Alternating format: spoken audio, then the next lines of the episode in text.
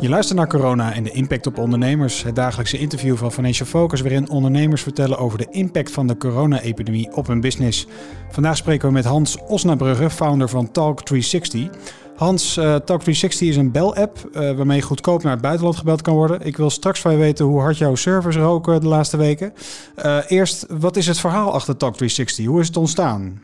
Ja, Talk360 is ontstaan vanuit de gedachte dat het eigenlijk heel makkelijk zou moeten zijn voor iedereen, ongeacht uh, leeftijd uh, of je techniek wel of niet goed snapt, om een uh, vast nummer of een mobiel nummer wat niet online is te kunnen bellen. En dan natuurlijk met name gaat het om, om internationaal bellen. lokaal bellen is overal in de wereld goedkoop en makkelijk te doen, maar internationaal bellen is nog steeds duur. Um, nou, iedereen kent natuurlijk de bekende services zoals uh, Skype en uh, WhatsApp. Ik ben online, jij bent online, dus we kunnen gratis bellen. Gebruiken wij zelf ook heel, heel vaak, is echt uh, fantastisch. Alleen er zijn ook heel veel use cases waarbij je toch een, een vast of mobiel nummer moet bellen wat niet online is. En daar heb je daar een gemakkelijke oplossing voor nodig. En dat hebben wij geprobeerd op te lossen met uh, Talk360 en daar lijken we redelijk in geslaagd. Ja, want uh, even voor de goede orde. Het is uh, voor, voor degene die het gebruikt, is het een app. Maar degene die je belt, die hoeft eigenlijk niks te hebben, toch? Ja, correct. Ja, ja. Die, heeft, die, merkt, die merkt niet dat, dat jij belt met een app. De geluidskwaliteit is hetzelfde. Je ziet gewoon jouw telefoonnummer in zijn, in zijn telefoon verschijnen. dus ja, de, de, voor de ontvanger is er geen enkel verschil. Nee, nee. En het is goedkoop, goedkoper dan, dan normaal internationaal bellen. Hoe, hoe krijgen jullie die lage tarieven voor elkaar? Uh, dat komt doordat dus de helft van het gesprek via internet gaat. Dus, dus degene die belt, die belt via internet. Daardoor sla je eigenlijk de internationale roaming charges uh, sla, je, sla je over. En heb je alleen maar te maken met het, ja, het beltarief wat wij rekenen. En dat is een wereldwijd wholesale tarief met een kleine opslag daar, daarop. Dus daardoor ja, is het al snel 80, 90 procent goedkoper dan met je provider internationaal bellen. Ja, precies. Ja. En jullie zijn hard gegroeid hè, de afgelopen jaren. Ja, zeker weten. Wij uh, mogen, niet, uh, mogen niet klagen. We hebben echt uh, miljoenen downloads, ruim een miljoen users en ja, betaalde klanten in meer dan 200 verschillende landen. 200 verschillende en, landen? kantoortjes in Zuid-Afrika, Nigeria en India. En het hoofdkantoor staat in, in Nederland. Ja, ja, maar en hoe zag jullie business uh, voor corona eruit? Uh, uh, want je zegt 200 landen actief. Ehm, hoe, hoe Nederland is eigenlijk niet jullie, jullie core business, begrijp ik? Nee, inderdaad. Nederland is niet onze core business. natuurlijk de, de, de, Nederlanders die vaak met, met familie, vrienden, zaken internationaal bellen... zullen vaak gewoon van online naar online goed, goed kunnen bellen. Dus wij zien onze core business zit hem veel meer in, uh, in expats en uh, migranten wereldwijd, vaak in, in armere landen. Dus daar hebben we ook echt onze servicegroepen op aangepast. En vanuit Nederland zien we toch vooral veel zakelijk gebruik. Of bijvoorbeeld als je op, op reis bent en je moet de, de KLM bellen. dat is nog, nog altijd een, een vast nummer.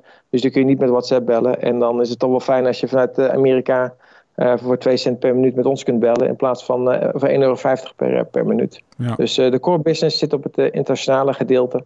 Wat zijn nou landen, wat zijn nou de grootste verbruikers? Ja, grootverbruikers voor ons zijn, um, uh, bij, bij onze klanten acquireren wij vooral uh, online. Uh, dat is eigenlijk de ene, ene tak, dus dat doen we wereldwijd. En dan zie je dat toch vooral in, in landen zoals de UK, United States en Australië. Dus landen waar heel veel expats wonen.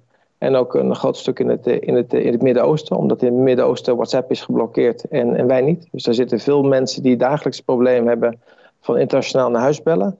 Uh, en offline, we hebben ook nou, de, onze fysieke kantoren en hebben we met name in Zuid-Afrika een behoorlijke footprint. Daar hebben we ook een team van, van 15 man.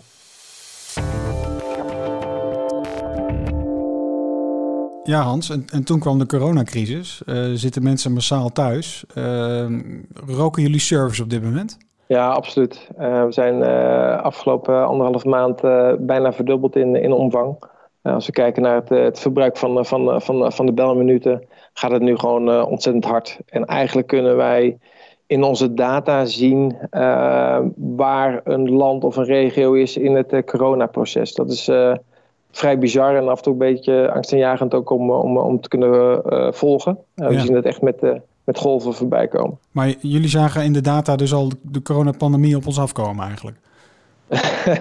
nou, de, niet voordat het kwam, maar nee. inderdaad echt vanaf het moment zeg maar vanuit van het punt dat het vanuit Italië doorstoomde naar de rest van Europa en, en beyond, konden wij dat al in het, in het belgedrag zien. vooral rond lockdowns, hè, dus eigenlijk in die periode daar, daaromheen, er enorme stijgingen in, het, in de belvolumes. en vervolgens zie je het weer iets afkalven. Maar nog steeds op een hoger niveau dan, eh, dan normaal. Ik denk dat mensen ook gewoon meer, eh, meer tijd hebben om, om te bellen. En je ziet een ander type gedrag. Maar vooral rondom de lockdowns, ja, waar de spikes in, in diverse landen, of het dan gaat om de United States of Iran of Zuid-Afrika, die afgelopen vrijdag in lockdown ging. Ja, de spikes zijn echt, echt enorm. En konden jullie dat aan? Want ik weet bijvoorbeeld van uh, de, de, de, de school-app uh, Schoola. Die hadden echt zulke rokende servers dat, uh, dat ze het even niet aankonden. waren jullie hierop voorbereid? we waren er niet op voorbereid, maar gelukkig de, de servers kunnen, kunnen, het, kunnen het aan. En onze cloud service zit bij Amazon, dus daar kun je redelijk ongelimiteerd doorschalen.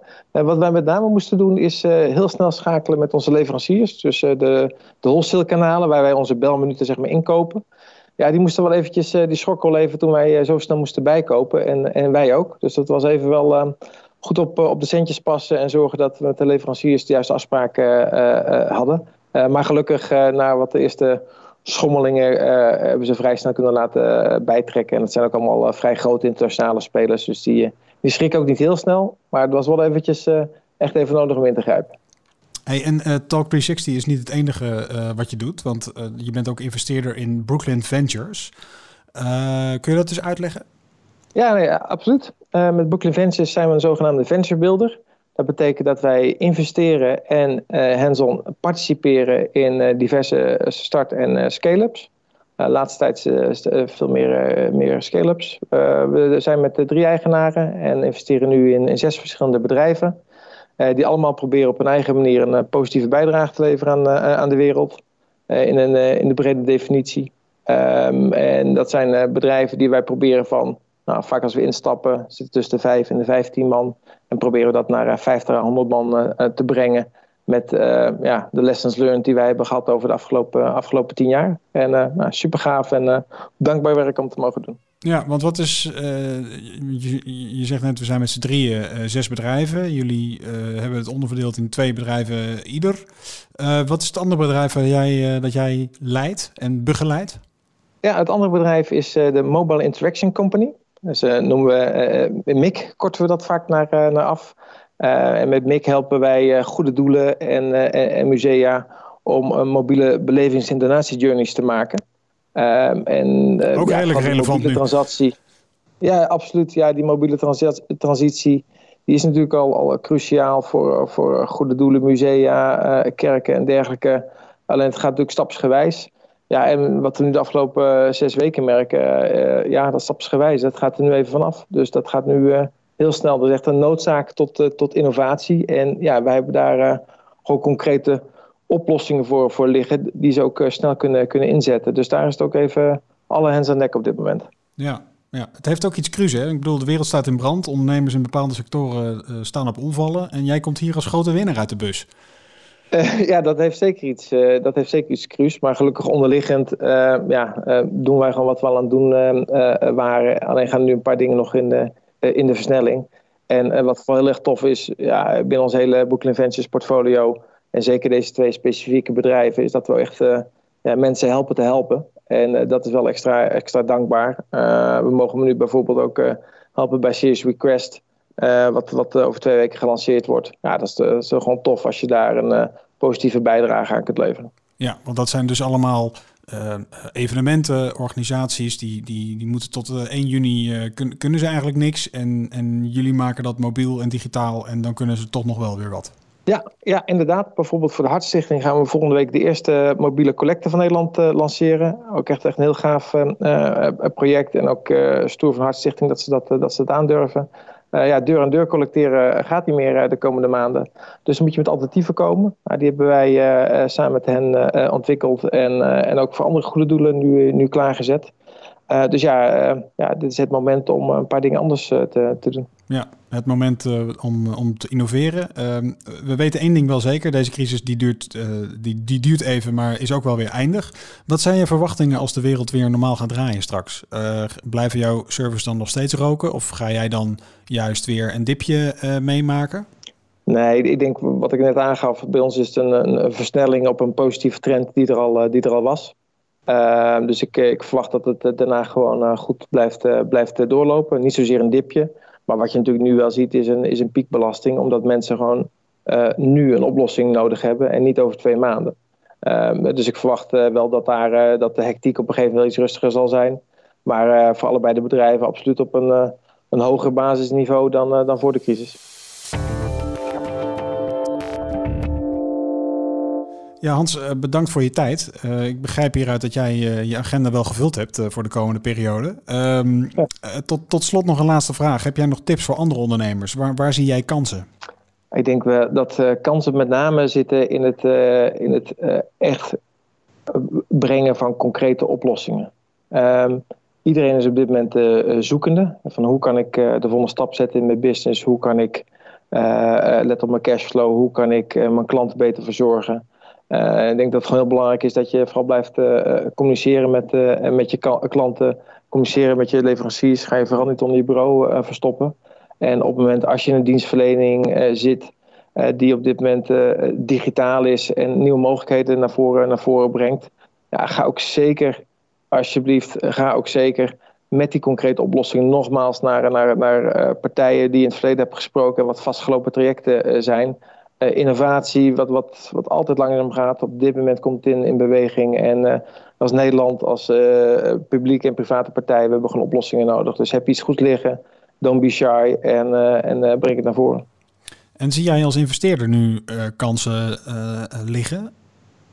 Ja, zeker. zeker. Ja, uiteraard als investeerder hebben we altijd een, een roze positieve bril op en, en, en denken, we in, denken we in mogelijkheden.